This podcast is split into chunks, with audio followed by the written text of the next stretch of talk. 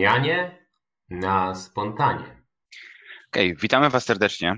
e, na odcinku kolejnym naszego podcastu. E, I ten odcinek, który dzisiaj będziemy mieli, e, tak naprawdę robiliśmy do niego już trochę takie fundamenty, myślę, że w poprzednich odcinkach, ponieważ dzisiaj będziemy rozmawiali na temat części osobowości, takiej perspektywy, jeżeli sobie ją przyjmiemy. W niektórych naszych poprzednich odcinkach pojawił już się ten kontekst i mówiliśmy o różnych częściach, natomiast E, zostawiliśmy sobie ten temat na osobny odcinek, ponieważ jest on dość obszerny i zdecydowaliśmy, że chcemy go omówić z Piotrkiem bardziej dogłębnie niż tylko i wyłącznie pobieżnie e, w poprzednich częściach, e, a przez to, że już ten temat został poruszony wcześniej, no po prostu zdecydowaliśmy, że warto by było omówić go już teraz, bo dla osób, które potrzebują uzupełnić, nazwijmy tą lukę w poprzednich podcastach i czegoś jeszcze brakuje w zrozumieniu, myślę, że w dzisiejszym odcinku dostaniecie na to bardzo dużo odpowiedzi. E, jest to temat bardzo ciekawy, ponieważ przez wiele, wiele lat ja myślałem o sobie, że jestem jedną wielką częścią, potem ktoś mi powiedział, że jest taka, jest taka perspektywa, nazwijmy to, lub nawet jakieś naukowe podejście, że człowiek, jakby jego osobowość nie składa się z jednej części, tylko z wielu różnych części. I z doświadczenia mogę powiedzieć po czasie, że jest to naprawdę podejście, które dość sporo zmieniło w moim patrzeniu na życie i przede wszystkim w moim patrzeniu na siebie e, i w tempie zmian, które mogłem e, wprowadzać do swojego życia. Mm, natomiast, e, natomiast no dzisiaj myślę, że omówimy to tak szeroko, żeby, żeby obalić pewne mity i pokazać cały potencjał korzyści, które wiążą się z tym, z tym podejściem. Witam wszystkich. Ja zacznę tak trochę przewrotnie, czyli mm, powiem trochę o zupełnie innej rzeczy, ale ona się wiąże z tym, o czym y, Paweł wspomniał. Czyli często jest w rozwoju osobistym taka debata, jakiś taki dylemat, gdzie jedni mówią, że rozwiązaniem wszystkich, albo przynajmniej bardzo wielu problemów w takich umiejętnościach socjalnych, czy też po prostu w relacjach, jest to, żeby być sobą, czyli żeby być autentycznym, żeby się zachowywać jak gdyby swobodnie, i no po prostu pozwolić sobie na to, żeby siebie słuchać i zachowywać się zgodnie z tym, na co jak gdyby masz ochotę. Natomiast jest druga szkoła, powiedzmy, która mówi, że raczej nie, że należy się zmieniać, że jeżeli na przykład masz pewne negatywne jakieś schematy, nałogi, na przykład, czy jakieś nawyki, które ci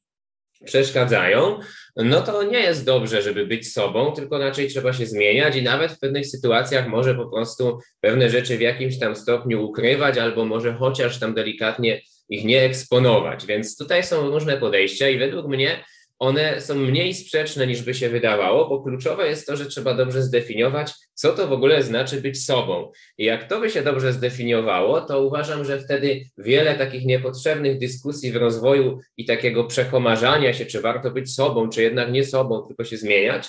y, po prostu można byłoby porzucić, bo problem jest właśnie w dobrym definiowaniu tego, co to znaczy tak naprawdę być sobą, co to znaczy słuchać siebie, co to znaczy podążać za swoją na przykład intuicją.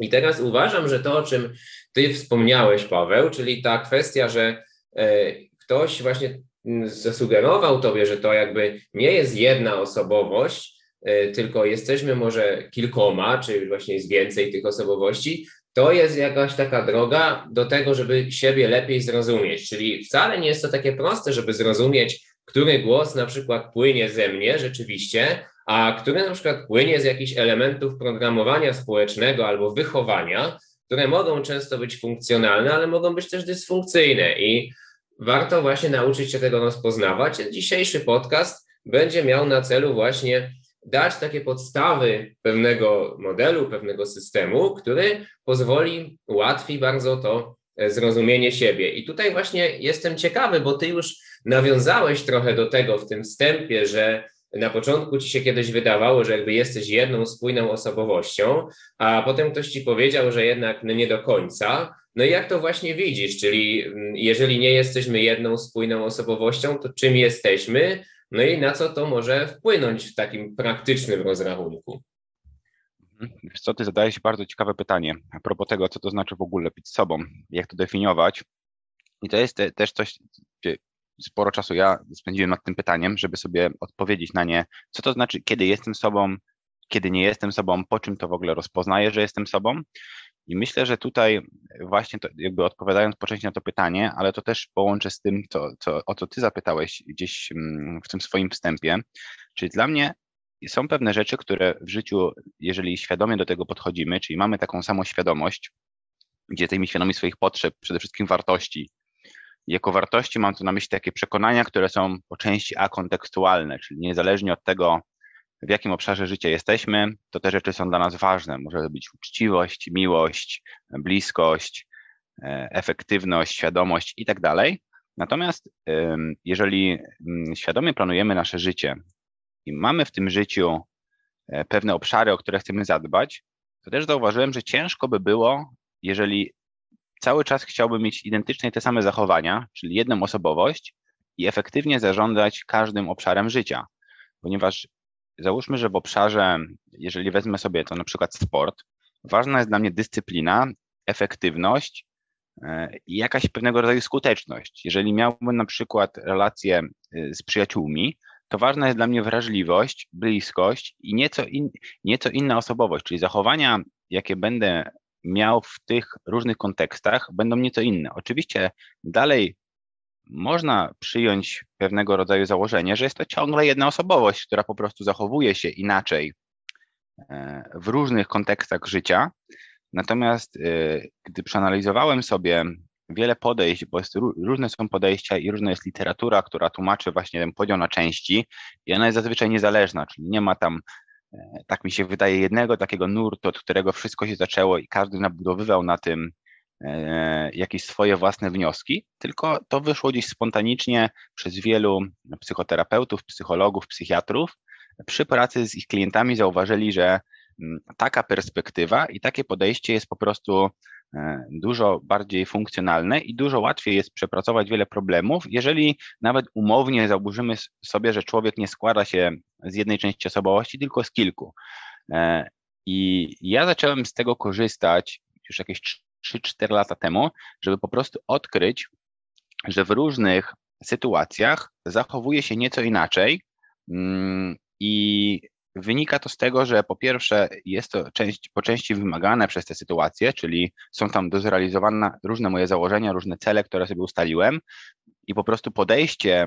e, do tych celów, żeby je realizować jest nieco inne w każdym kontekście, więc to już stworzyło mi nieco inne ja, ja, żeby tym zarządzać, natomiast po pewnym czasie ja po prostu też świadomie już starałem się rozpisać sobie i zaplanować, jakie ja, czyli jaka osobowość w danym kontekście będzie mi potrzebna, jeżeli to jest też zaplanowany kontekst, jakiś większy projekt, do tego, żeby ten e, cel zrealizować. I przede wszystkim e, e, tutaj ja też miałem dużo w swoim życiu takich, co było też źle rozumianym trochę tematem spójności, czyli dużo rzeczy mnie, miałem ograniczeń wewnętrznych i przekonań, które blokowały mnie, żeby coś zrobić, bo uważałem, że będę ze sobą niespójny, a tutaj doszedłem, że spójność jest po prostu na poziomie wartości, czyli czegoś, co jest nieco nadrzędne, natomiast na poziomie przekonań będą one zależne od tego, w jakim obszarze się znajduje. Czyli jeżeli w jednym potrzebuję na przykład mieć zasób siły, bo uważam, że jest to potrzebne, to go używam, a w drugim e, ta siła może być w ogóle nieprzydatna i wtedy jej nie używam. I takich przykładów mógłbym podawać bardzo dużo, gdzie po prostu coś, co ewidentnie jest super funkcjonalne i potrzebne w jednym obszarze, w drugim może być dysfunkcyjne i niepotrzebne i żeby tym zarządzać po prostu lepiej moim zdaniem używać sobie różnych osobowości niż patrzeć na siebie jako jedna taka spójna osobowość.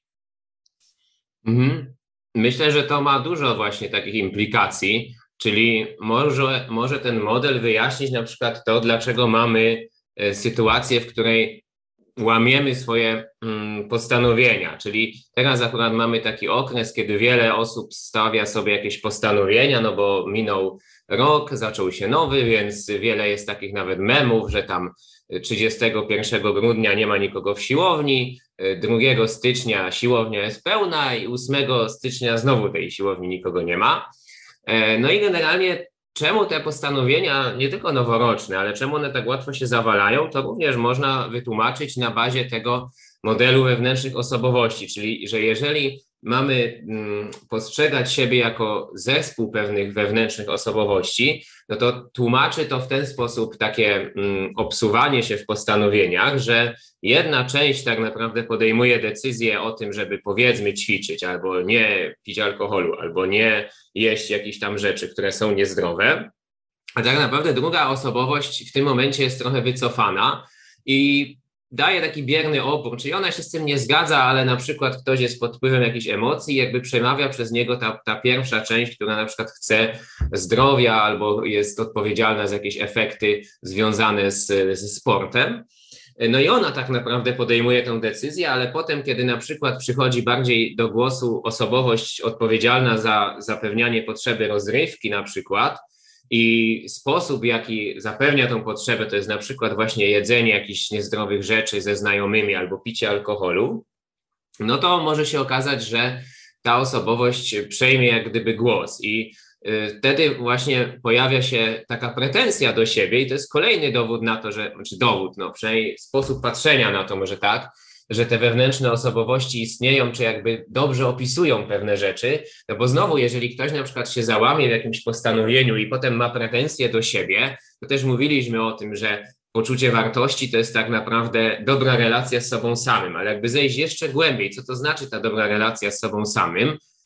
y, no to jaki sens jest tego, żebym ja miał pretensje do siebie, skoro ja jestem spójną osobowością, ja jestem tym samym, co ma pretensje i tym samym, do kogo ona jest, no to jaki sens jest mieć pretensje? Przeważnie jakby z punktu widzenia teorii gier, jak ktoś ma do kogoś pretensje, to mają po to, żeby on zmienił swoje zachowanie, żeby tamten coś uzyskał. No tak w największym uproszczeniu oczywiście. Natomiast po co robić takie cyrki ze sobą? Jak ty jesteś spójny, to po prostu zmieniasz zachowanie, nie trzeba przepuszczać tego przez pretensje. No ale tak się dzieje właśnie ze względu na to, że to pretensje do siebie ma tak naprawdę jedna osobowość wewnętrzna do drugiej, czyli w tym wypadku na przykład ten, kto postanowił, żeby mm, e, ćwiczyć, czyli ten sportowiec, dajmy na to, tak sobie to możemy nazwać,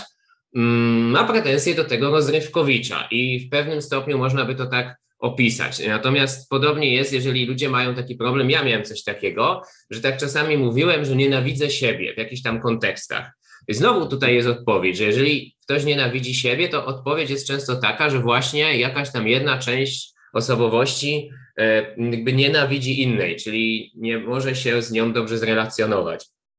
Więc ja to tak widzę, no i uważam, że to ma właśnie duże implikacje, żeby tak na siebie patrzeć.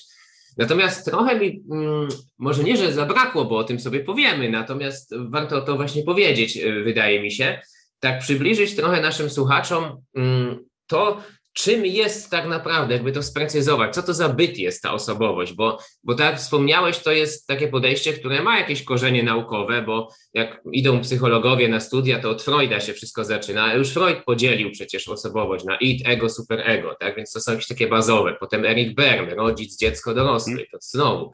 więc y, jest to jakoś tam naukowe, ale jakbyśmy mieli tak wytłumaczyć, co to za byt jest, co to jest ta wewnętrzna osobowość, naszym słuchaczom. E, tak można powiedzieć trochę na chłopski rozum, Paweł. To jakbyś to, jakbyś to rozbił? Mhm. Wiesz co, ja może użyję metafory, żeby to pokazać, bo ja zawsze jak tłumaczyłem sobie sam albo komuś, czym, jak patrzeć na te osobowości, to ja używam takiej metafory, że jest to pewnego rodzaju plemię, można powiedzieć, że zespół, który ma do zrealizowania jakiś projekt. Nazwijmy, że nasze życie to jest projekt, które te części osobowości e, realizują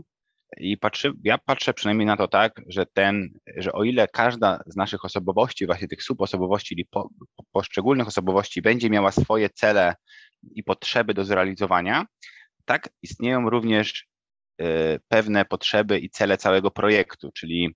nie wystarczy, że jedna część y, jest na przykład super pracowita albo dba o, o, swoje potrzeby, jeżeli potrzeby innych części nie są zadbane i jakby cały nasz projekt życie się wali, i staje się w pewnym sensie niefunkcjonalny. Czyli chodzi mi tu o to, że części pomagają nam zarządzać naszym życiem w taki sposób, abyśmy zadbali o wszystko, co w tym e, życiu jest potrzebne e, i jest, istnieje pomiędzy tymi częściami pewna dynamika, czyli te części w pewien sposób kooperują ze sobą w taki sposób, żeby, ponieważ mamy ograniczone zasoby, nazwijmy to chociażby czas, czyli nie jesteśmy w stanie mm, zrealizować, na przykład robić tak, żeby dwie części naraz robiły swoje zadania, ponieważ nasz czas jest ograniczony i istnieje tam pewien, można powiedzieć na to, że to jest prawie tak jak zarządzanie jakimś zespołem, bo istnieje pewna dynamika i każda część chciałaby zrealizować swoje potrzeby, które uważa, że są sensowne dla realizacji całego projektu, a zadaniem, albo nawet w niektórych nurtach mówi się, że to jest energia ja, czyli to jest energia ponad częściami, że można wejść w taki stan, który nie jest częścią i z tego stanu wyciągać pewne wnioski i decydować, jak tym zarządzać, lub mamy części po prostu, nazwijmy to, mniej świadome, mniej dojrzałe, bardziej dojrzałe, mniej świadome, bardziej świadome i z pewnych um, bardziej świadomych części pozarządzać tym w taki sposób, aby to po prostu dobrze działało. E, więc jak ktoś by mnie zapytał, to ja bym odpowiedział w ten sposób. E, natomiast też ciekawi mnie, jak ty, jak ty na to po prostu patrzysz, jak ty byś wytłumaczył, e, czym są te wewnętrzne osobowości. Mhm. Ja nawet kiedyś taki filmik na swoim vlogu nagrywałem, gdzie to właśnie sobie rozbiłem i to jest bardzo podobnie jak ty to ująłeś, czyli powiedziałeś w sumie dwa takie słowa kluczowe już. Jedno to jest potrzeba, a drugie to są zasoby. I ja do tej dwójki jeszcze dokładam trzecie słowo, które moim zdaniem definiuje tą wewnętrzną osobowość, czyli strategia. Więc po kolei, jak to wygląda, to właśnie w ten sposób, że jako ludzie mamy po prostu pewnego rodzaju mm, potrzeby, no i te potrzeby są różne. Czy jakbyśmy wzięli takie jakieś prymitywne zwierzęta, czy nie wiem, jakieś tam pierwotniaki albo coś takiego, no to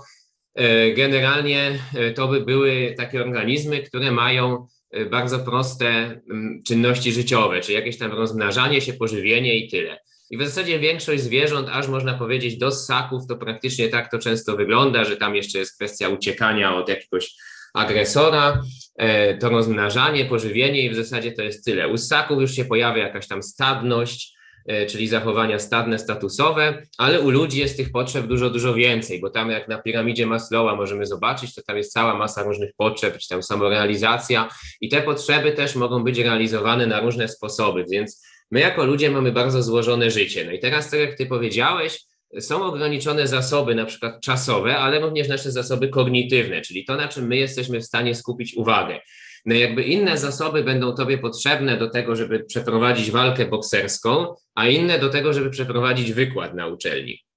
No i gdybyś się pomylił, no to by trochę był problem, bo ktoś by przyszedł na wykład naładowany gdzieś tam adrenaliną, roznosiłoby go, a przyszedłby na przykład gdzieś tam wychillowany i bardzo skupiony na jakimś tam elemencie e, kogni, takim kognitywnym czy takim logicznym e, na walkę, no i prawdopodobnie dostałby pierwszy sierp i by się to skończyło, więc e, to byłoby niefunkcjonalne. I teraz chodzi o to, żeby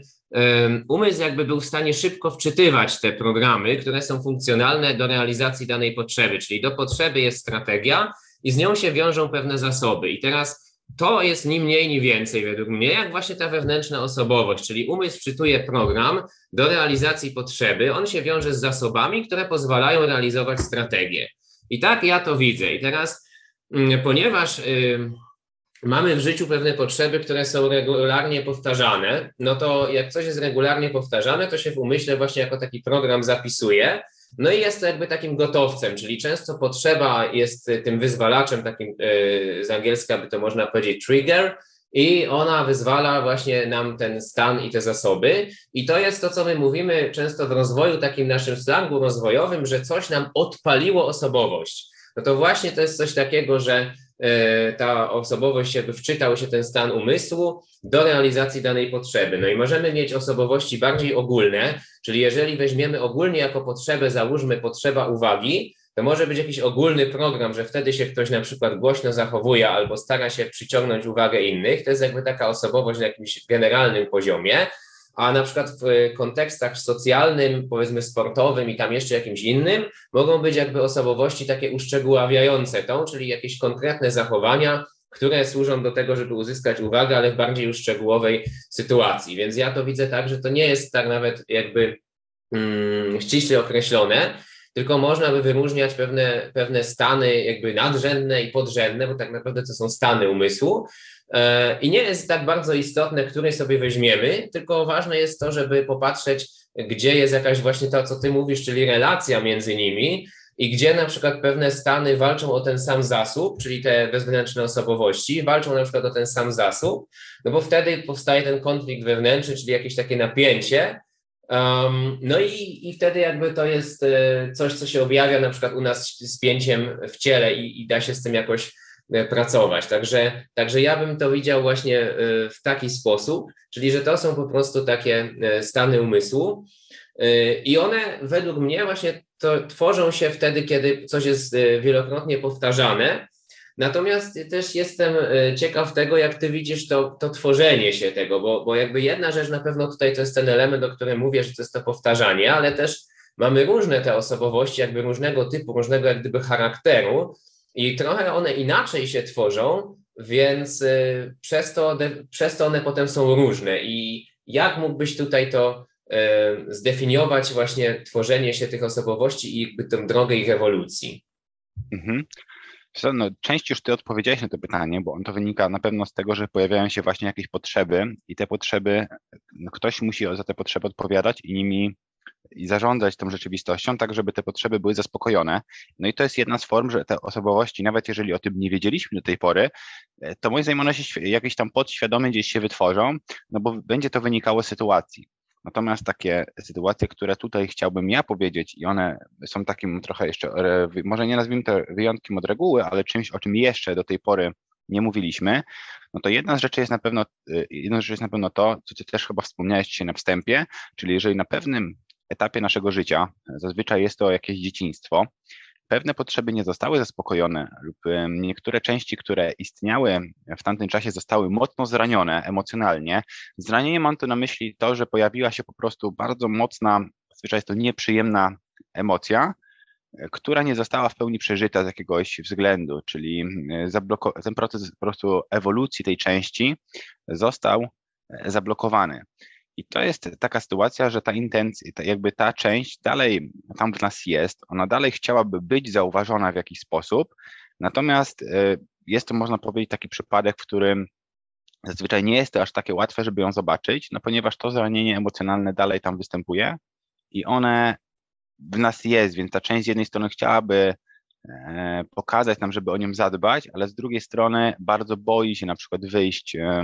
w wielu kontekstach życiowych, bo jest to związane z tym, że boi się, że te emocje znowu nas przytłoczą i będą związane z tym jakieś negatywne konsekwencje. I często też w takich sytuacjach pojawiają się tak zwane, o czym my też wspominaliśmy parę razy w poprzednich podcastach, myślę, że to był trochę inny kontekst, natomiast nazwaliśmy to e, osobowościami e, kompensacyjnymi, czyli takie osobowości, których celem będzie tak zarządzać naszym światem zewnętrznym i rzeczywistością, byle uchronić te zranione części, czyli, czyli byleby tak zrobić, aby te zranione części po prostu były bezpieczne i nie musiały się po raz kolejny mierzyć z tymi e, trudnymi emocjami, co jakby logicznie mówiąc na poziomie intencji jest to bardzo dobre, ponieważ jest to pozytywna intencja mająca na celu taką ochronę, natomiast na wyższym poziomie jakby jest to też rozumiane w to, że po prostu nie mamy dostępu do pewnych rzeczy w naszym życiu i często może to prowadzić chociażby do takich autosabotaży, że z jednej strony chcemy coś zrobić, jedna nasza część właśnie powiedziałaby, że chce coś zrobić, a druga blokuje ten proces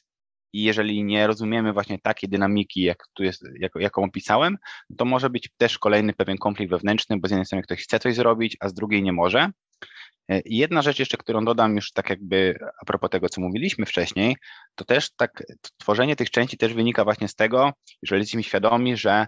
e, niektóre przekonania lub zachowania właśnie będą w różnych obszarach albo kontekstach życia sprzeczne ze sobą jest to absolutnie ok, bo jeżeli mam potrzebę na przykład odpocząć i zregenerować, e, zregenerować swoje ciało, zregenerować swój umysł, to można powiedzieć, że część, która będzie za to odpowiedzialna, jest trochę leniwa, no bo, no bo nawet nie leniwa, no bo to jest takie słowo, ale można tak przyjąć, jeżeli byśmy to e, zniekształcili, to można powiedzieć, że odpoczywanie to lenistwo, chociaż dla mnie to jest jakby proces świadomy, który ma na celu e, zregenerować energię, żeby ją potem wykorzystać, ale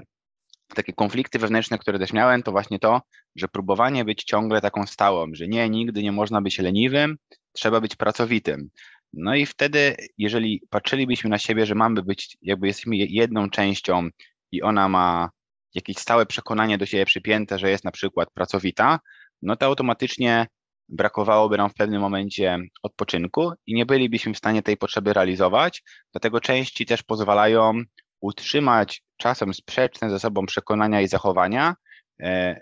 i jakby nie, nie generując przez to konfliktów, konfliktów wewnętrznych. Ja tak to po prostu e, widzę. Tak, no fajnie to opisałeś, jeśli chodzi właśnie o te osobowości zranionej. I tutaj e, to znowu mm, jest ciekawe, bo łączy się z rzeczą, o której e, ja wspominałem w pierwszym podcaście i chyba nawet nie tylko w pierwszym, czyli mówiliśmy o tym, że jeżeli mamy jakieś zranienie z dzieciństwa, czyli często ono skutkuje zaburzoną samooceną, czyli też zranionym takim poczuciem wartości, gdzie czujemy, że nam czegoś brakuje, no to właśnie zaczynamy taki wizerunek, czyli taką tarczę wokół siebie budować, żeby tego właśnie nie czuć. I znowu tutaj ten model bardzo dobrze nam to obrazuje, czyli tutaj właśnie ta osobowość, która ma, tą, y, ma to zranienie jakby, czyli jest osobowością, która y, miała jakąś potrzebę, wychodziła po tą potrzebę i została na przykład odrzucona, została jakoś fizycznie albo psychicznie y, zraniona, no to często ma właśnie taki wdruk, że z nią jest coś nie tak, czyli to poczucie wartości jest zaburzone. No i właśnie te osobowości kompensacyjne powodują, że E, te emocje nie są odczuwane, tylko ta uwaga gdzieś tam leci indziej, albo na przykład właśnie idzie to taka osobowość kompensacyjna w taki wizerunek, czyli gromadzenie na przykład różnych rzeczy, e, takich atrybutów, powiedzmy męskości, czy kobiecości, czy nie wiem, mądrości, czy z czymkolwiek tam się ktoś utożsamił. I tak naprawdę już potem nie ma znaczenia, czy, czy dla kogoś atutem kompensacji, jakby, czy tym, tym przedmiotem, który wybrał sobie do tego, żeby czegoś nie czuć, jest bycie trenerem rozwoju osobistego, czy jest bycie magistrem, czy jest bycie, e, czy jest jazda drogim samochodem, no bo jakby wszystko to płynie z tego miejsca, że tak naprawdę ten e, taki strażnik, czyli ta osobowość kompensacyjna dyryguje często tym człowiekiem, czyli też czasami można sobie takie pytanie zadawać, co to znaczy w ogóle, że ta osobowość jakby jest aktywna, czy mamy zawsze aktywną jedną tylko, czy jest ich więcej aktywnych i moim zdaniem jest tak, że zazwyczaj mamy jakąś jedną bardziej aktywną w danym momencie, ale to nie znaczy, że inne są nieaktywne właśnie, bo jest to też taka kwestia tych konfliktów, o których ty powiedziałeś. No jeżeli mamy taki konflikt wewnętrzny, no to znaczy, że mamy właśnie co najmniej dwie aktywne takie osobowości, które o coś tam rywalizują, no i często skutkiem tego jest po prostu napięcie, czyli znowu to, co mówiliśmy przy pewności siebie, że wtedy nie ma pewności siebie, bo czym się pewność siebie mm, objawia? No tym, że jest luz, czyli jest to wszystko takie płynne, a jak nie ma pewności siebie, to jak taki samochód właśnie, który ma ten gaz i hamulec jednocześnie naciskane i, i tak rwie, i tak, albo jakby ktoś nie umiał biegów przełączać, to tak jakby to szarpało przy tym wysprzęglaniu i tak to wygląda często u ludzi, jak jest ten konflikt wewnętrzny, to jest takie szarpanie. No i teraz y, te osobowości niedojrzałe, i to warto nadmienić, że one się komunikują w sposób właśnie niedojrzały, czyli ta emocja spowodowała, że osobowość nie mogła się rozwijać, przejść z poziomu y, takiego egocentrycznego, w którym nie bardzo jeszcze rozumie świat, kiedyś sobie o tym pewnie też powiemy, jakie są tam te poziomy, do takiego nacjonalnego, gdzie już te przyczynowo-skutkowe mm, prawidłowości są widziane i są rozumiane tylko komunikuje się w taki prymitywny sposób ta zraniona osobowość, bo jakby nie rozwinęła tych dalszych rzeczy, bo ta, mm, tych dalszych umiejętności komunikacyjnych, e, bo zablokowanie tej emocji uniemożliwiło jej wzrost. O, ja bym to tak ujął. I teraz przez to mamy tak, że, komunika- że ta komunikacja ze strony niedojrzałych części jest bardzo często taka infantylna i często właśnie dysfunkcyjna, ale intencja, i to jest to, o czym ty mówisz, jest zawsze pozytywna, ale sposób realizacji potrzeby przez taką infantylną część jest y, zły, często no, prowadzi do jakichś negatywnych konsekwencji, y, bo komunikacja i sposób właśnie myślenia tej osobowości wewnętrznej jest taki dziecięcy, bardzo uproszczony. Tak ja to widzę. Mhm. No tak, tak, tak, w sensie w dużym skrócie to dobrze to opisałeś, bo tak to po prostu wygląda, że Zazwyczaj to ta teoria, ona też się chyba pojawiła kiedyś w NLP, że właśnie wszystkie nasze działania wychodzą z pewnej pozytywnej intencji, natomiast ta, ten brak dojrzałości i pełnego zrozumienia, e, pełnego, pełnej perspektywy na sytuację prowadzi do tego, że e, podejmuje się pewne niedojrzałe zachowania, no i często społeczeństwa są jeszcze generalizowane, czyli tworzą taką pętlę zwrotną, czyli na przykład ktoś miał niedojrzałą część, bo jej brakowało uwagi, brakowało jej edukacji, i nagle przypina się tej części łatkę, że ona jest głupia, co jeszcze bardziej zapętla ją w takie zachowania, że ona blokuje się na jakikolwiek rozwój. Więc tu y, też pytanie, które jakby przyszło naturalnie, to jest w jaki sposób pracować, co można robić w takich sytuacjach, gdy takie części zdiagnozujemy u siebie, że coś tam nie gra. Teraz tak jakbym cokolwiek mógł na ten temat powiedzieć, żeby też, bo to, to jest jakby coś, co moim zdaniem trochę wykracza poza ten podcast, natomiast na pewno e, skupiłbym się w pierwszej kolejności na tych częściach, które zarządzają, czyli skupić się na tym, w jaki sposób, jeżeli mamy pewne obszary życia, pewne potrzeby, to świadomie e, zdać sobie sprawę, jak te potrzeby zaspokajamy obecnie, a jak byśmy chcieli to robić. Jeżeli mamy jakieś um, części kompensacyjne, to też zacząć je po prostu rozpoznawać. Myślę, że mm, e, jeżeli chodzi o, o, o, gdzieś tam kontakt z tymi częściami, które były zranione, jest to e, trochę inny temat, bo jest to trochę bardziej, wymaga już trochę większej, większego poziomu takiej i wrażliwości, i wiedzy, co z tymi częściami robić. Natomiast myślę, że jeżeli zauważymy sobie u siebie te, te, te, te jakbyś w ogóle, myślę, że ćwiczenie, które jest fajnie robić na początku, które robię, to w ogóle przyjąć tą perspektywę, że jeżeli ktoś do tej pory jeszcze nie używa w ogóle perspektywy, że jego osobowość to pewne części, tylko patrzył na siebie jak na jeden twór, no to ja zaczynałem przez pierwsze kilka miesięcy po prostu rozpoznawać, zauważać, a może to jest jakaś inna część mnie niż ta, która była poprzednio, czyli robić to trochę tak fanowo, zrobić sobie taki trochę, takie trochę wyzwanie, żeby zobaczyć, a co jeżeli to może być prawda i tak po prostu sobie obserwowałem, że faktycznie jak na przykład siedzę na obiedzie z rodzicami, to ewidentnie nie jest to ta sama osoba, która siedziała dwa dni wcześniej na imprezie z kolegami, że tak moje zachowania, mój sposób myślenia jest w tym, w tym kontekście inny niż poprzednio, że faktycznie widziałem, że to chyba jest jakaś inna część mnie niż ta, która była poprzednio. Natomiast ja też może odbiję to pytanie do Ciebie, bo to jest coś, o czym Piotrek możemy chwilę porozmawiać, czyli co Ty sądzisz w ogóle o tych częściach, czyli w jaki sposób Ty na przykład rozpoznajesz u siebie, że masz taką część, a na przykład gdzieś indziej masz inną część siebie? I co jakby robisz z tym, jakby jak, w jaki sposób pracujesz albo w jaki sposób tą wiedzę wykorzystujesz dla siebie, żeby, żeby jakoś z tego skorzystać. Tak, no początek w ogóle mojej pracy z tym to zaczął się od tego, yy, znaczy wyglądał w ten sposób, że musiałem najpierw porzucić taki paradygmat właśnie tej jednej osobowości, która jest spójna i e, wszystko dokładnie wie i że jestem taki jak gdyby racjonalny i porzucić też taki paradygmat właśnie samodyscypliny, bo ja na przykład uważałem, że jak w takich kontekstach socjalnych, na przykład ja chcę z kimś porozmawiać, na przykład nieznajomym, albo z kimś, kto ma na przykład przeze mnie dany wysoki status, który ja na przykład bardzo szanuję tą osobę, no to w tym momencie miałem jakiś taki konflikt wewnętrzny, czyli czułem, że e, chciałbym pogadać, ale z drugiej strony też nie do końca, bo nie wiem, co sobie ta osoba o mnie pomyśli. I e, wydawało mi się, że wtedy trzeba walczyć z tym taką samą dyscy, samodyscypliną, czyli że trzeba sobie powiedzieć, no tak, trzeba się przełamać tutaj i po prostu to zrobić i cały czas się tak w życiu ciągle przełamywać. I jak się tak ciągle będę przełamywał, to wtedy może się uka okaże, że będzie potem wszystko dobrze i już nie będę musiał. Ale tak to nie działało.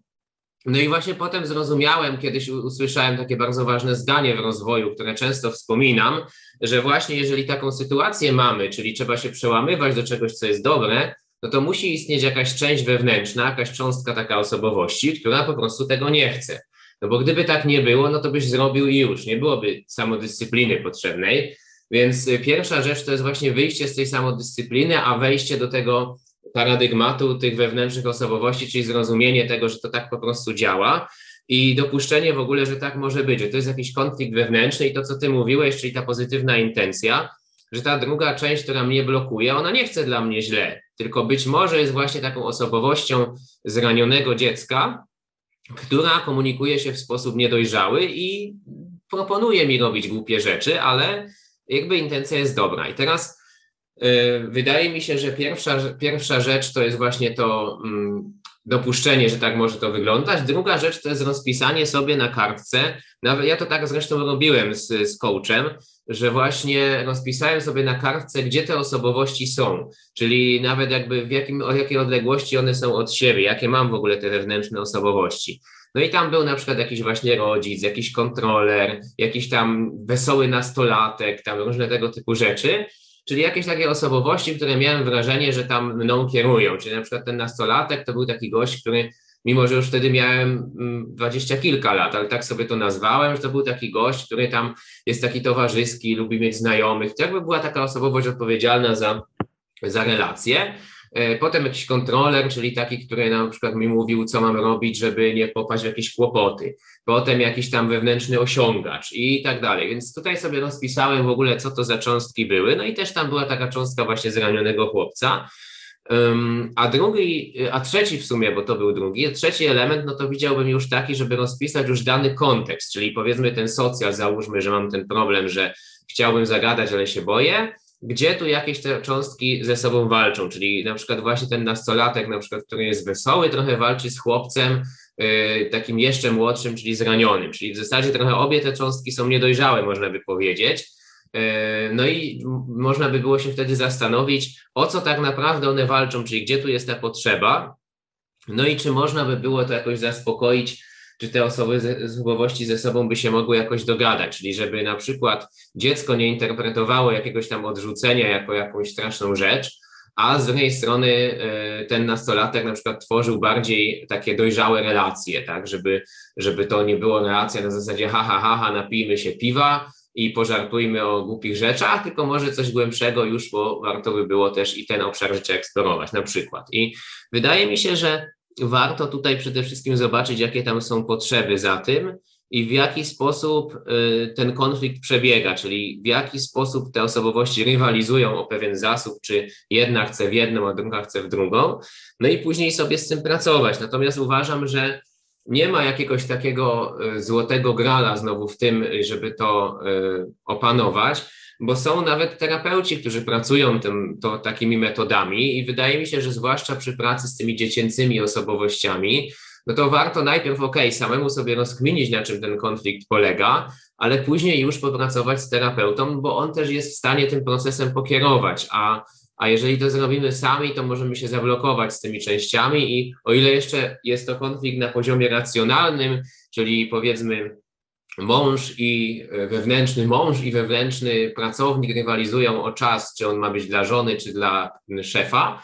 no to jest to konflikt na poziomie racjonalnym, chociaż oczywiście tam mogą być jakieś schematy ukryte, ale jeżeli to już jest e, jakaś część taka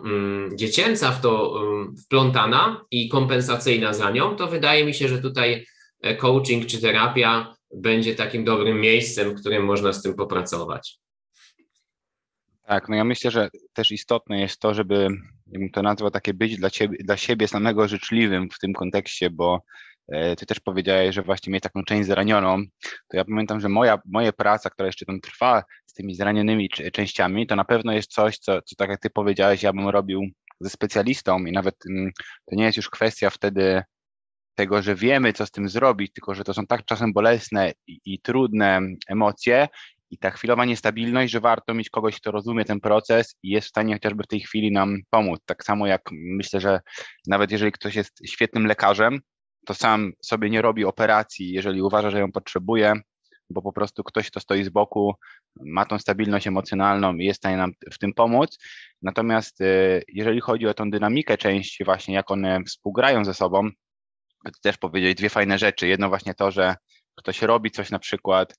żeby okazać miłość samemu, się, samemu sobie, no ale właśnie to jest to, co mówiliśmy, to czyli jeżeli mamy na przykład potrzebę tego, żeby kultywować miłość do samego siebie, to prawdopodobnie jest też tam jakaś część, która uważa, że tej miłości tam nie ma, no bo jeżeli byśmy zaczęli z takiego poziomu, że wszystko gra, no to ta miłość tak naprawdę by się manifestowała w każdym naszym działaniu, które robimy, bo byłoby to po prostu działanie w zgodzie ze sobą i z tym, co uważamy w życiu za ważne i nie trzeba byłoby pokazywać tego, że ta miłość jest na zewnątrz. E, a druga rzecz to jest też e, to, że może tak jak właśnie jak słuchacie nas, to wiele rzeczy takich się wydaje proste, natomiast też tak jakby rozkładając to, bo ty powiedzieli, że warto jest mm, rozmawiać z tymi częściami, gdzieś tam e, rozmawiać z tą jedną częścią, drugą, z czego wynika konflikt. No i tu też jest takie, takie moje spostrzeżenie z czasem, że na pewno dużo zmienia to, w jaki sposób my się z tymi częściami komunikujemy i żeby zawsze pamiętać o tym, że jest tam ta pozytywna intencja i traktować te części. Wydaje mi się, że taką dobrą strategią jest ciekawość, bo ciekawość jest takim stanem, który jest nieoceniający, chce się czegoś po prostu dowiedzieć, chce to poznać mm, i żeby właśnie przypadkiem tych części znowu nie poblokować, bo zbyt agresywna, nazwijmy to taka komunikacja,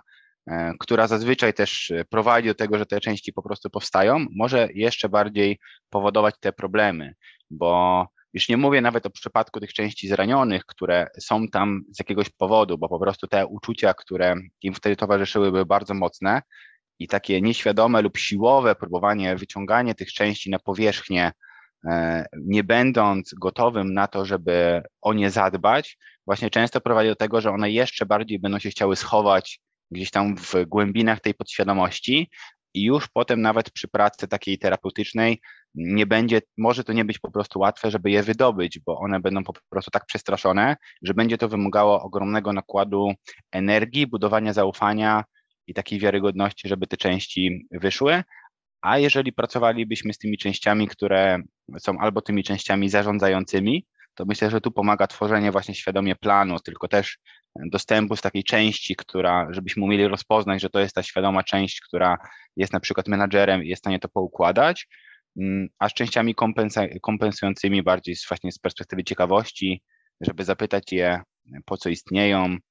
jakie mają intencje, co nam chcą, co nam chcą w ten sposób dać, jaką wartość chcą dać do całego e, systemu.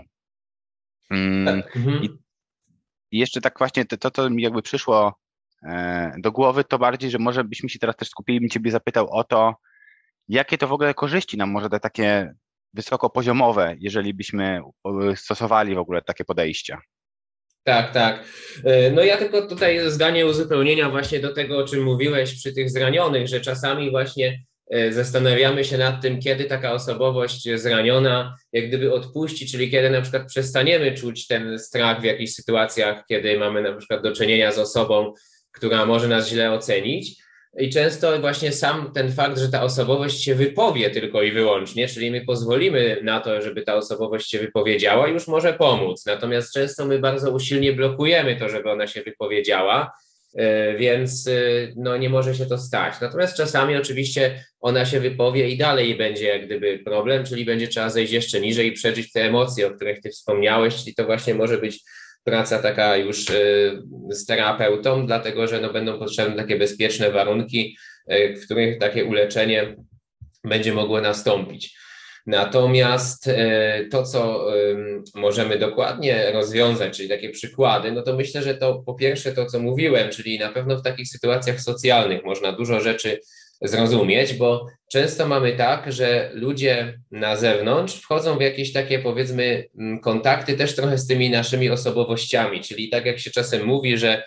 twoja wewnętrzna osobowość manifestuje się na zewnątrz. Jeżeli ta wewnętrzna rodzina, nazwijmy to, jest mocno skonfliktowana, no to często też będziemy wchodzić w konflikty z innymi ludźmi. Na przykład wiele osób może nie rozumieć tego, jak mm, to się dzieje, że na przykład będę wchodził w konflikty z jakimś, jakimś konkretnym rodzajem osoby, albo na przykład unikał innego rodzaju osoby, czyli ktoś powiedzmy może mieć taką sytuację, że ma jakąś część taką też dziecięcą, która bardzo mocno zabiega o taki, um, kojarzy mi się takie słowo angielskie approval, czyli taki um, jakby potwierdzenie tego, że ona jest ok, coś w tym rodzaju. Tak, akceptację taką. Tak, tak, dokładnie. Taką akceptację. I właśnie tu może być sytuacja, w której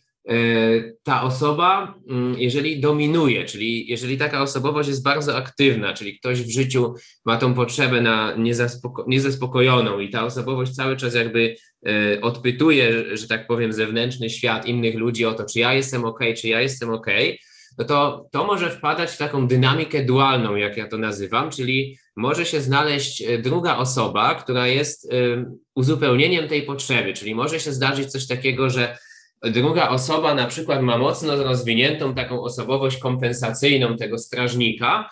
który w ten sposób próbuje kompensować poczucie wartości, że ocenia cały świat i uważa siebie za jakby takie trochę oczy świata, czyli ktoś uważa, że on wszystkim przykleja łatki, no i jakby dzięki temu się statusowo czuje lepszy, więc łatwiej mu jest kompensować to poczucie wartości, czyli, czyli sobie myśli, że on idzie sobie po ulicy i mówi, o, ten niemodnie ubrany, o, ten ma brudne auto, o, ten jest nietrzeźwy, o, ten jest głupi, o, ten jest jakiś. I tak naprawdę cały czas przykleja te łatki, robiąc siebie takimi oczami świata i twierdzi, że no, tego człowieka to na pewno cały świat ocenia tak i tak, bo on uważa siebie, że jest reprezentacją tego świata, czyli takimi jakby oczami. No i teraz jeżeli takie dwie osoby się spotkają, no to idealnie pasują te potrzeby do siebie, no bo jedna, jedna osoba cały czas odpytuje świat, czyli trochę jakby ma takie iluzoryczne wyobrażenie, że są jakieś jedne oczy świata, które go oceniają i ciągle odpytuje, świecie, czy ja jestem ok, świecie, czy ja jestem ok, a druga osoba udaje, że jest tymi oczami świata. No jest oczami tylko siebie, nie całego świata, ale ma taką potrzebę takiej tworzenia iluzji. I te osoby ze sobą, ze sobą mogą wejść na przykład w związek, i będą taką dynamikę cały czas powtarzać, czyli jedna osoba będzie cały czas w tym związku pytać, ale nie na zasadzie, czy Twoje potrzeby są spełnione w związku, tylko czy ja jestem ok. Na tym polega absurd, bo nie ma niczego złego w pytaniu w związku, czy spełnia się potrzeby drugiej osoby. Oczywiście można to robić w jakiś niewerbalny sposób, to zupełnie inny temat, ale to jest ok pytać o to. Natomiast nie jest sensowne pytać, czy ja jestem ok, no bo nie ma na to odpowiedzi. Teraz, jeżeli ktoś to robi, a druga osoba uwielbia, kiedy inni ją pytają, czy ja jestem ok, no bo ona jest oczami świata, więc ona się wtedy spełnia,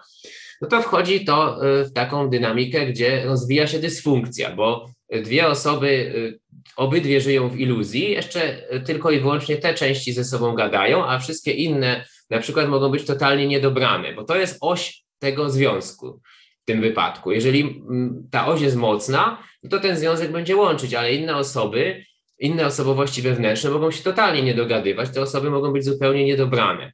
I w tym momencie mogą się tworzyć po prostu toksyczne związki. Więc e,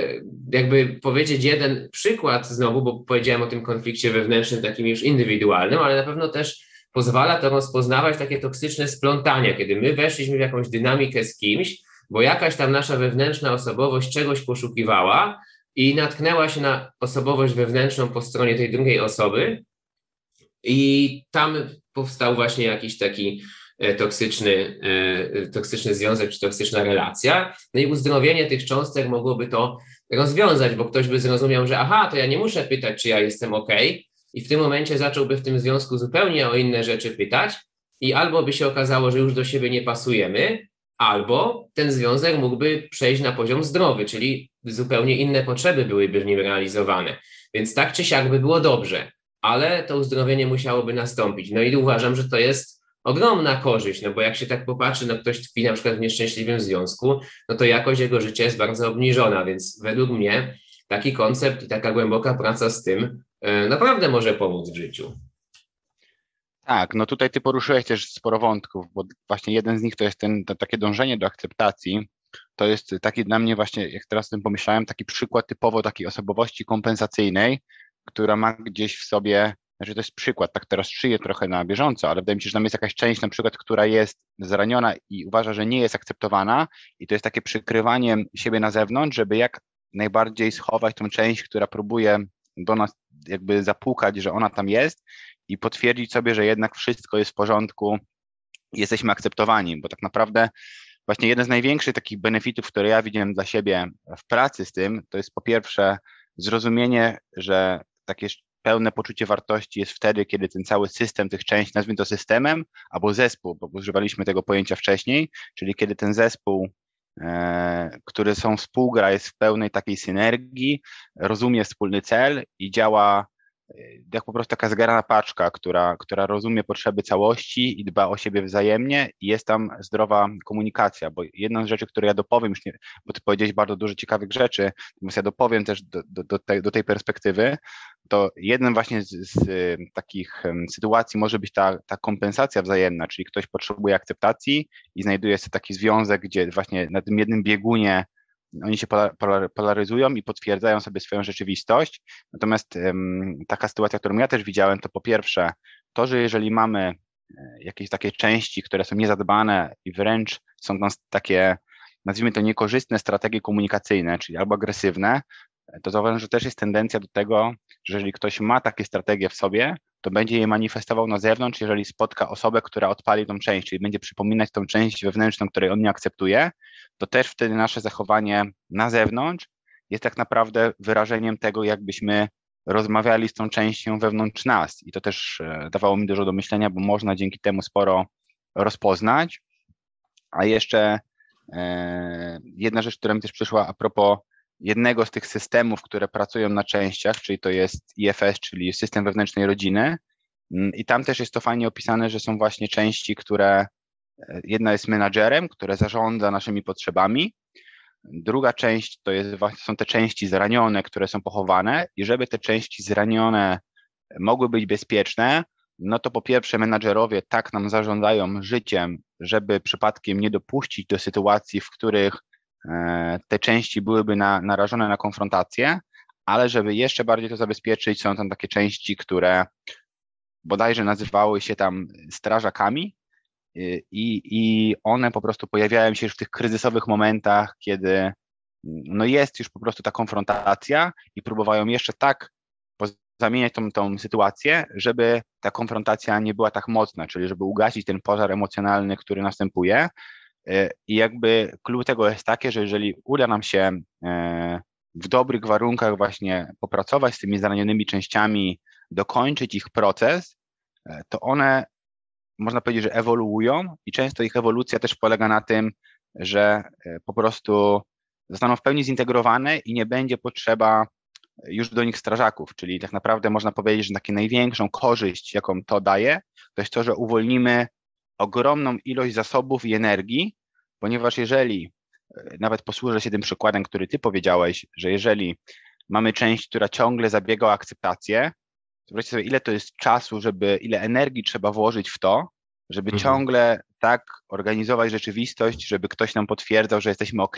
A jeżeli ta część zraniona byłaby prze, prze, przeżyta i zintegrowana, no to automatycznie tą całą energię, którą inwestowaliśmy w to, żeby ktoś nam potwierdzał rzeczywistość, możemy po prostu zainwestować i skupić się na tym, co jest dla nas ważne. Więc to jest takie moje rozumienie, można powiedzieć nawet kiedy ta, kiedy ten wewnętrzny system, ten wewnętrzny zespół zdrowo po prostu ze sobą działa i że wtedy dużo nam, zwalnia się nam po prostu bardzo dużo, dużo zasobów.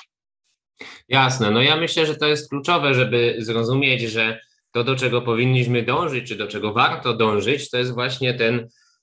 system, który można by określić mianem, że jest zdrowy, że jest e, stabilny, że jakby ten zespół działa w taki sposób zintegrowany i ma jakąś wspólną wizję, nie ma tam właśnie takich konfliktów i napięć, a nawet jeżeli one się pojawiają, no to są rozwiązywane i jest jakiś sposób na to, żeby je rozwiązać,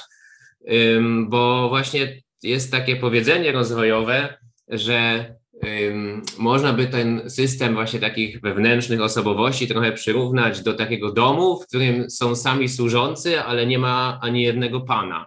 No i właśnie jeżeli mamy tak z tymi osobowościami, że to wszystko są służące, ale nie ma kogoś, kto by tym dyrygował, czyli tak jak ty mówisz, takiego menadżera, albo niektóre podejścia też mówią, że to jest takie self po prostu, czyli jakby taka meta-osobowość, która może jakby się odciąć trochę od tych wszystkich, zdysocjować, jakby z boku troszkę tym zarządzić. No pewnie tutaj jest e, polemika, tak, jakby mm, jak to rzeczywiście wygląda,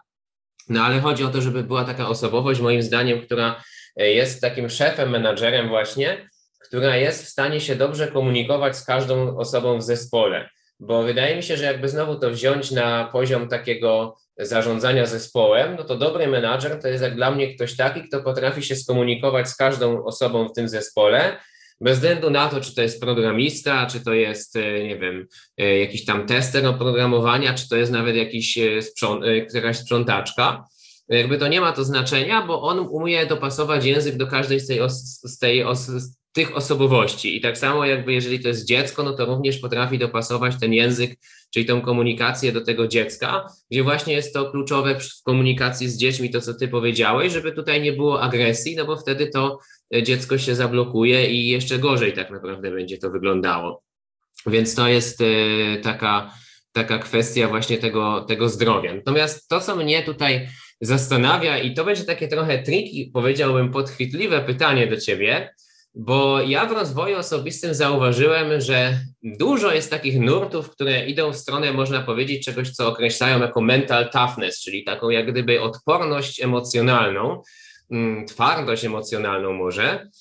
która będzie budowana w ten sposób, tak to często sugerują, żeby mm, jeżeli czujesz, że jest w tobie jakaś, jakiś konflikt, to jakby rozpoznać to jako takie trochę dwa wilki, czyli takie jest nawet powiedzenie w rozwoju, że uczeń się pyta mistrza, mistrzu, jak to jest z tymi dwoma wilkami, które kierują moim życiem? E, jeden wilk jest dobry i chce dla mnie rozwoju, i chce dla mnie szczęścia, chce dla mnie miłości, a drugi jest zły i wiedzie mnie na jakieś zatracenie, lenistwo i zmarnowanie swojego potencjału. No a mistrz mówi, no wygra ten, którego dokarmiasz, czyli jeśli zachowujesz się zgodnie z jakimiś potrzebami, które ci mówią, że masz siedzieć w strefie komfortu, no to to karmisz tego złego wilka, a jak z tej strefy komfortu wychodzisz, no to karmisz tego dobrego. No i to w pewnym sensie jest y, jakimś, jakaś tu sprzeczność, jest przynajmniej ja to tak pozornie może trochę, ale nie będę rozwijał, no widzę jakąś sprzeczność, no bo jak mówimy tutaj o tych osobowościach wewnętrznych, no to trochę tak to wygląda,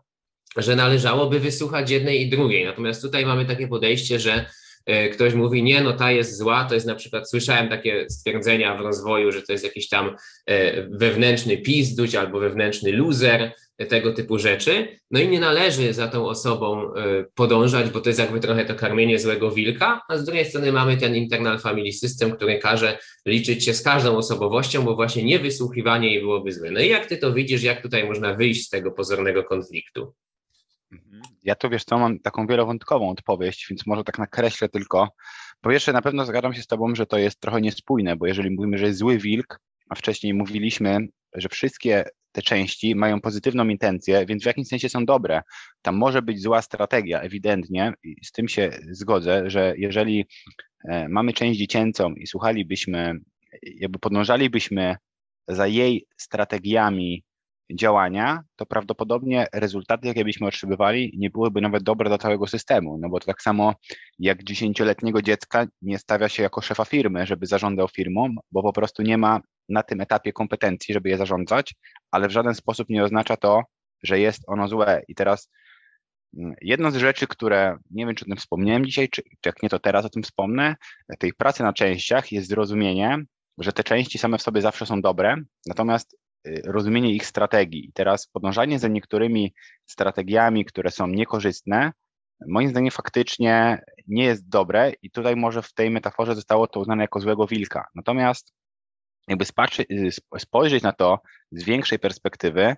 to jeżeli mamy zaranioną część i to jest właśnie ta część, która z nas wychodzi i my ją jeszcze bardziej tłamsimy, to to jest dla mnie przykład, który długofalowo będzie miał negatywne konsekwencje, bo jeszcze bardziej natworzymy sobie problemów i zazwyczaj ta osobowość, która w tej metaforze jest dobrym wilkiem, to będzie ta metafora, ta, ta osobowość kompensacyjna, która będzie nam kompensować mm, e, no, tą zranioną część, czyli nawet jak w poprzednich podcastach rozmawialiśmy, że ktoś pójdzie do jakiegoś, do jakiegoś, do jakiegoś, nie wiem, obszaru, czy to są finanse, czy to jest jakiś inny obszar i stwierdzi, że musi być jakiś, bo wtedy będzie wartościowy, no to na przykład w tym przypadku karmienie tego dobrego wilka to jest ciągle inwestowanie w to, żeby być jakimś, mimo że to jakiś jest w ogóle przeciwstawne czasem, albo przynajmniej w niektórych częściach przeciwstawne z tym, co to znaczy być sobą, czyli być autentycznym i żyć w zgodzie ze sobą. Natomiast jeżeli wzięlibyśmy takie zdrowe podejście, że ktoś faktycznie już przepracował e, takie wewnętrzne siebie, zrozumiał, kim on chce być w życiu, jakie ma cele, zrozumiał, jakie ma wartości i tak dalej, i to wychodzi ze zdrowego miejsca, to uważam, że i tak możemy e, mieć momenty, kiedy natura ludzka, można powiedzieć, czasami może być po prostu leniwa. I tutaj w tym podejściu z wilkami też e, moim zdaniem warto jest wziąć pod uwagę, że ja miałem kiedyś taką metaforę, że to trochę tak jakbyśmy mieli dziecko i mieli z tym dzieckiem polecieć w jakąś podróż. Załóżmy, mielibyśmy lot z Warszawy do Bangkoku i mielibyśmy w tym locie przesiadkę. I teraz, jeżeli mamy, lecimy na jedno lotnisko i musimy się z dzieckiem przesiąść, a dziecko nagle zaczyna nam płakać i ma duże potrzeby, no to musimy pogodzić to, że mamy dwie rzeczy do wykonania w jednym czasie. Z jednej strony nie możemy e, teraz jakby w pełni zajmować się tymi potrzebami dziecka, możemy to zrobić tylko do pewnego poziomu, bo uciekłby nam lot i będzie jeszcze większy problem, bo zostaniemy na lotnisku i to spowoduje jeszcze bardziej nasilenie się tego problemu. A z drugiej strony też nie możemy całkowicie stwierdzić, że te potrzeby tego dziecka są nieistotne, bo prędzej czy później trzeba będzie o nie zadbać. I często moim zdaniem w życiu, nawet jak, jak ono jest dobrze poukładane i nie ma tych zranionych części, to będą tego typu konflikty nam się pojawiały, że po prostu mamy ograniczone zasoby, chociażby czas, i dwie części chciałyby w tym czasie coś zrobić. I wtedy moim zdaniem ta metafora karmienia wilka miałaby bardzo duże zastosowanie, jeżeli byśmy skupili się, że czasem nam się czegoś nie chce zrobić, ale warto to w tym momencie wykrzesać sobie tą energię, na przykład zrobić wszystkie rzeczy, które są e, dla nas w danym momencie długofalowo korzystne teraz i je przełamać i trochę uspokoić tą część, chociaż to też można zrobić w zdrowej komunikacji, czyli uspokoić tą część, która chce podpoczywać, ale powiedzieć jej, że jeżeli zajmiemy się tymi częściami, to nadal jest istotna, tylko odroczymy ją trochę w czasie, czyli zajmiemy się tą częścią i damy sobie czas na odpoczynek w momencie, kiedy, kiedy już skończymy wszystkie zadania. Więc e, no taka jest moja odpowiedź, że uważam, że nawet jeżeli to wychodzi ze zdrowego miejsca, to czasem takie konflikty będą się pojawiały, i myślę, że tutaj bardzo istotne jest właśnie słuchanie samego siebie, bo to nawet tak jak z pracą gdzieś tam fizyczną, czy jak rozmawiałem e, kiedyś z, z osobami, co zawodowo uprawiają sport, no to one też mają takie tendencje, że ciągle chcą być w gazie, że, że pracują coraz więcej. I tam nawet z tego, co wiem, niektórzy wprowadzają specjalne mierniki, po czym oceni, że ktoś jest przetrenowany, bo oni zakładali, że w ogóle umysł, jak jest tak, tak duża jednostka treningowa, gdzie ktoś potrafi trenować 10-15 ciężkich jednostek w tygodniu, no to umysł po prostu będzie chciał oszukać i ciało jak najbardziej, żeby odpoczywać, ale gdzie jest ta granica, żeby wyczuć, że ktoś jeszcze może włożyć pracę, a potem odpocząć, a gdzie następuje ten moment, gdzie to już jest niebezpieczne i są pewne części stłamszone i może to grozić po prostu kontuzją. Mega mi się podoba ta rzecz, którą ty powiedziałeś i, i, wydawało mi się, że mam ten temat jakby po swojej stronie tak dosyć mocno rozkminiony, bo to w ogóle wynikało z tego, że kiedyś ktoś mnie o to zapytał po prostu podczas coachingu i zacząłem tak nad tym się zastanawiać. Natomiast um, fajna rzecz to, to, co mówisz odnośnie tego, że często te dwa wilki to my utożsamiamy, zwłaszcza osoby w rozwoju, właśnie z tymi e, osobowościami kompensacyjnymi i z tym dzieckiem, czyli właśnie traktują, że dziecko jest tą złą, a kompensacyjna jest dobra. No i y, tak naprawdę obojętnie w sumie, którą się nakarmi, to i tak będzie źle w tym układzie, bo uzdrowienie polegałoby na tym, że te osobowości się do siebie zbliżają, a tak naprawdę tutaj one rywalizują w, w sumie, więc yy, oddala się jedna od drugiej i to, to zdrowie jakby zaczyna być coraz bardziej zaburzone, to o czym mówiliśmy wcześniej, bez względu tak naprawdę na to, którą się karmi, czyli czy się przełamiesz, czy, czy, czy właśnie się nie przełamiesz, to totalnie i tak będzie źle. Więc, więc to jest chyba też taka odpowiedź, że dla mnie, że jeżeli po takim przełamaniu czujesz się dobrze, czyli czujesz się jakby, ja na przykład tak mam, zazwyczaj mi się chce iść na basen czy na siłownię, ale jak czasem mi się nie chce i wracam z tej siłowni czy z tego basenu, to mam takie wow, super, że to zrobiłem, jestem taki napompowany jakby e, hormonami fajnymi, taką czuję, że mam dobrą biochemię, że, że dużo wytrzymam, że dużo jestem w stanie zrobić i po każdym zawsze treningu jestem zadowolony, nawet jak mi się nie chciało. Natomiast często miałem tak, jak jeszcze działałem w MLM-ie, że właśnie jak zrobiłem, przełamałem się do tego, żeby do kogoś zadzwonić i nawet ktoś przyszedł na spotkanie i nawet ktoś wszedł do tej struktury, to ja dalej byłem niezadowolony, bo ja czułem ten konflikt wewnętrzny, że jakby jest tutaj konflikt wewnętrzny między jakąś osobowością, która jednak nie do końca jest przekonana, że te produkty są takie super i ma trochę takie poczucie winy, że może kogoś wciągasz do, do czegoś, co nie jest wcale dla niego dobre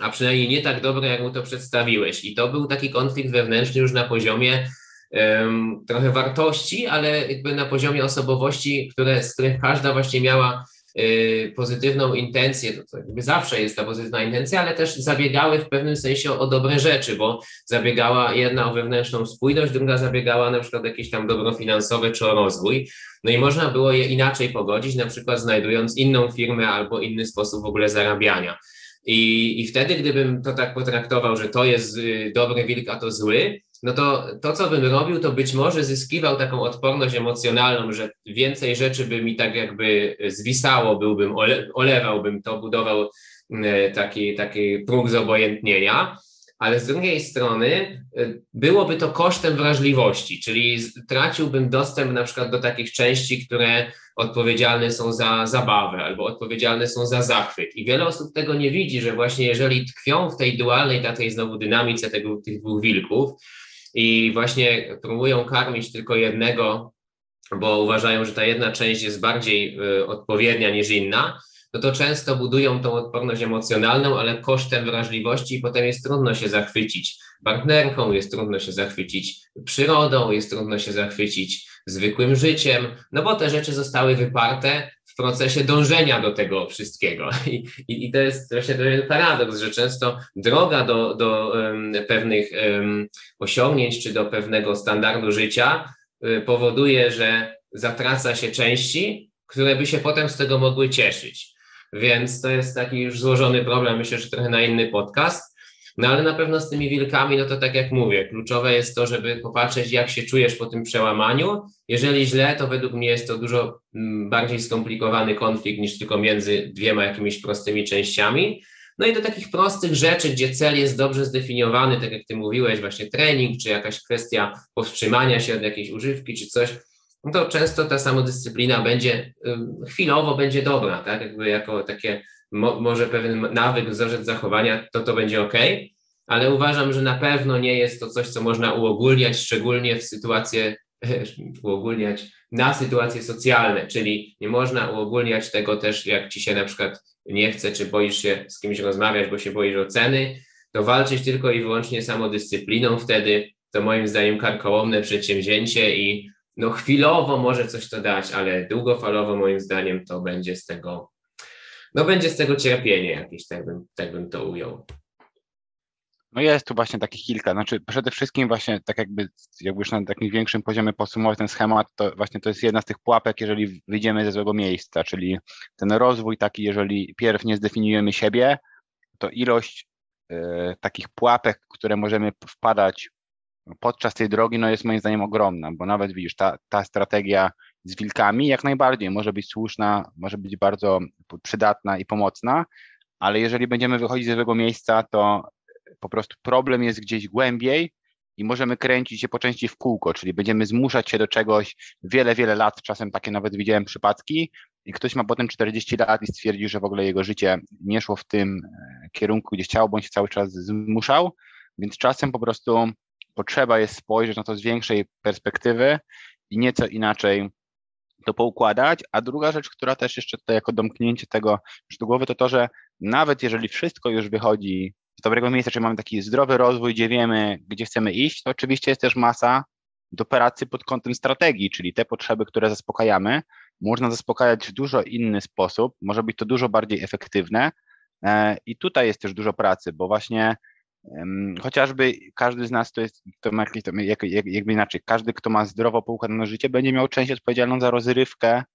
e, przyjemności i właśnie odpoczynek. Tylko pytanie teraz, w jaki sposób on e, sobie daje tą rozrywkę i w jaki sposób on odpoczywa, bo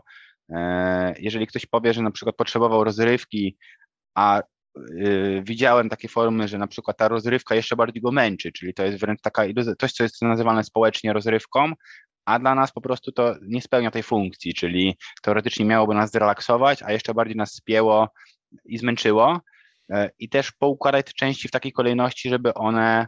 realizowały jakby właśnie ten cały projekt, czyli zrozumienie, co jest nadrzędnym celem i jak to należy poukładać, żeby te wszystkie części były zadowolone, bo to też jest moim zdaniem istotne,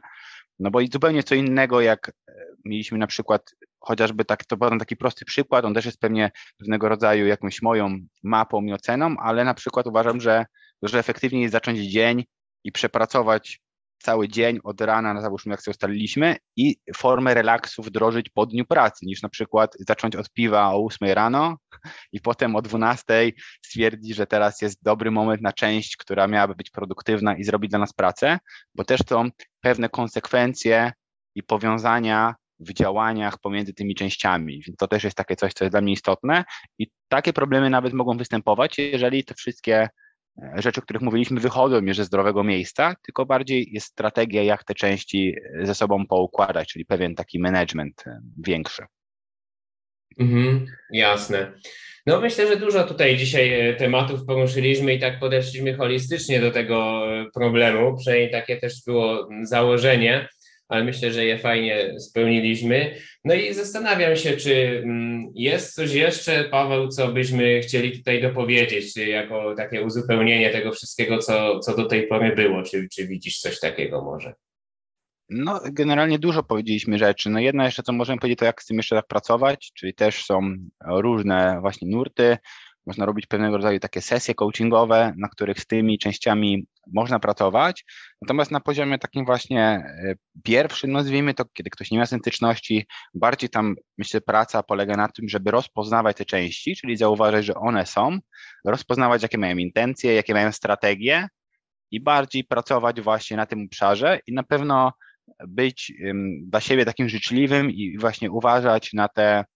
zranione części, żeby ich za bardzo nie eksponować, bo teoretycznie ja też tak zaczynałem i to był błąd, który ja popełniłem, czyli wydawało mi się, że tylko sobie przeżyję tam jakąś emocję ciężką, która jest za tymi częściami i automatycznie wszystko się uzdrowi, a, a w momencie, kiedy próbowałem czasem w złym, nazwijmy to złych warunkach, czyli nie byłem do końca, nie stworzyłem sobie komfortowej przestrzeni dla siebie, żeby tych części zranionych dotykać, no to przez pewien okres te problemy się jeszcze bardziej nasilały i były jeszcze większe. Na szczęście e, no, udało mi się i trafić na, na fajnym, na mentorów, na osoby, które miały w tym temacie większą świadomość i ta jedna z części była na tyle otwarta, żeby im zaufać i pójść tym procesem,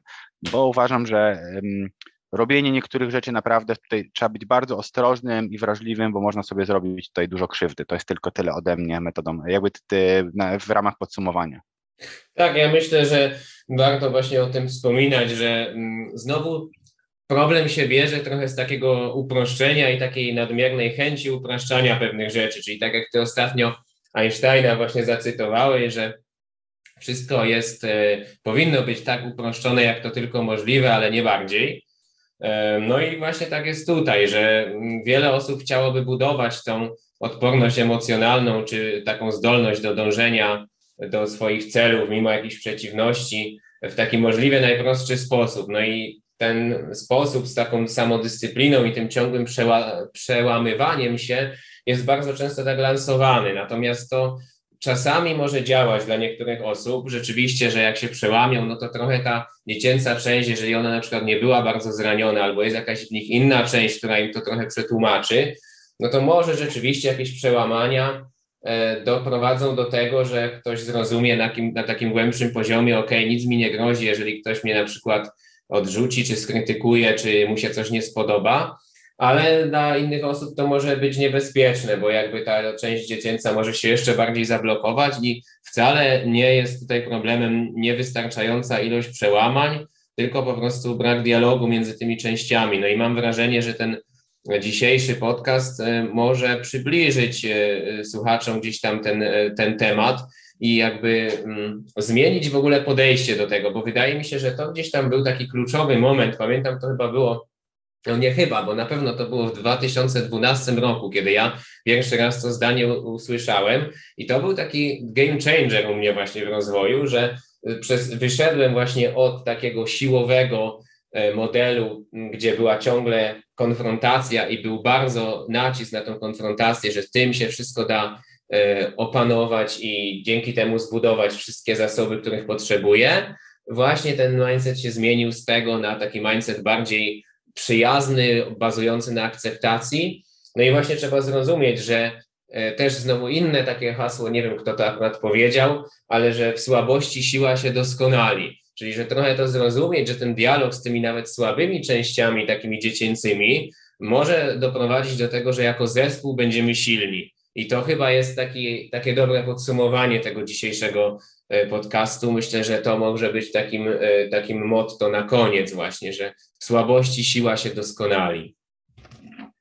No mi się bardzo podoba. Ja też jestem zgodny. Oczywiście, no tak jak tu mówimy, my mamy pewny też punkt widzenia, jak to wygląda sensownie, bo dla nas właśnie drogą jest to, żeby słuchać siebie, żeby być autentycznym i żyć w zgodzie ze sobą i sobie to poukładać.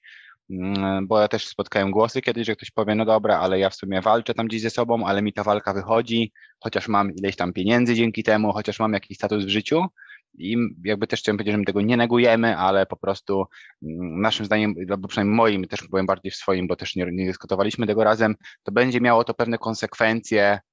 których e, ja uważam, że one nie są po prostu korzystne, że gdzieś ta, ta walka, czy to się będzie potem objawiało w postaci choroby, bo jest tak, takie duże napięcie, czy to w innych obszarach będzie to po prostu gdzieś musiało na zewnątrz wyjść. No i tak jeszcze tytułem wstępu, tak jak zwyczaj, dziękujemy Wam przede wszystkim za to, że byliście z nami do końca i wysłuchaliście i również zachęcamy, żeby e, podsyłać nam różne Wasze wskazówki, czy jakieś tematy, które, albo informacje, których Wam brakowało, żebyśmy nagrali o tym jeszcze kolejny odcinek, bo to też jest dla nas cenna wskazówka. E, my staramy się jakby podążać za tym, co uważamy, że jakby pewne kroki, które mają sensowne, jak ten podcast dzisiejszy jest dopełnieniem tych poprzednich, natomiast też jesteśmy otwarci na Wasze wskazówki e, i również krytyczne, krytyczne głosy, bo to nam pozwala wziąć ten feedback i e, nauczyć się z tego i wdrożyć coś do naszej, do, do naszej, do naszej jakby strategii. Także zachęcamy Was wtedy do kontaktu osobiście, czy to na maila o zmianie na spontanie małpa.gmail.com. I myślę, że tyle ode mnie. Dziękuję Wam serdecznie. Dziękuję Tobie, Piotrek, za dzisiejszy podcast e, i do usłyszenia. Dzięki, Paweł. Do usłyszenia.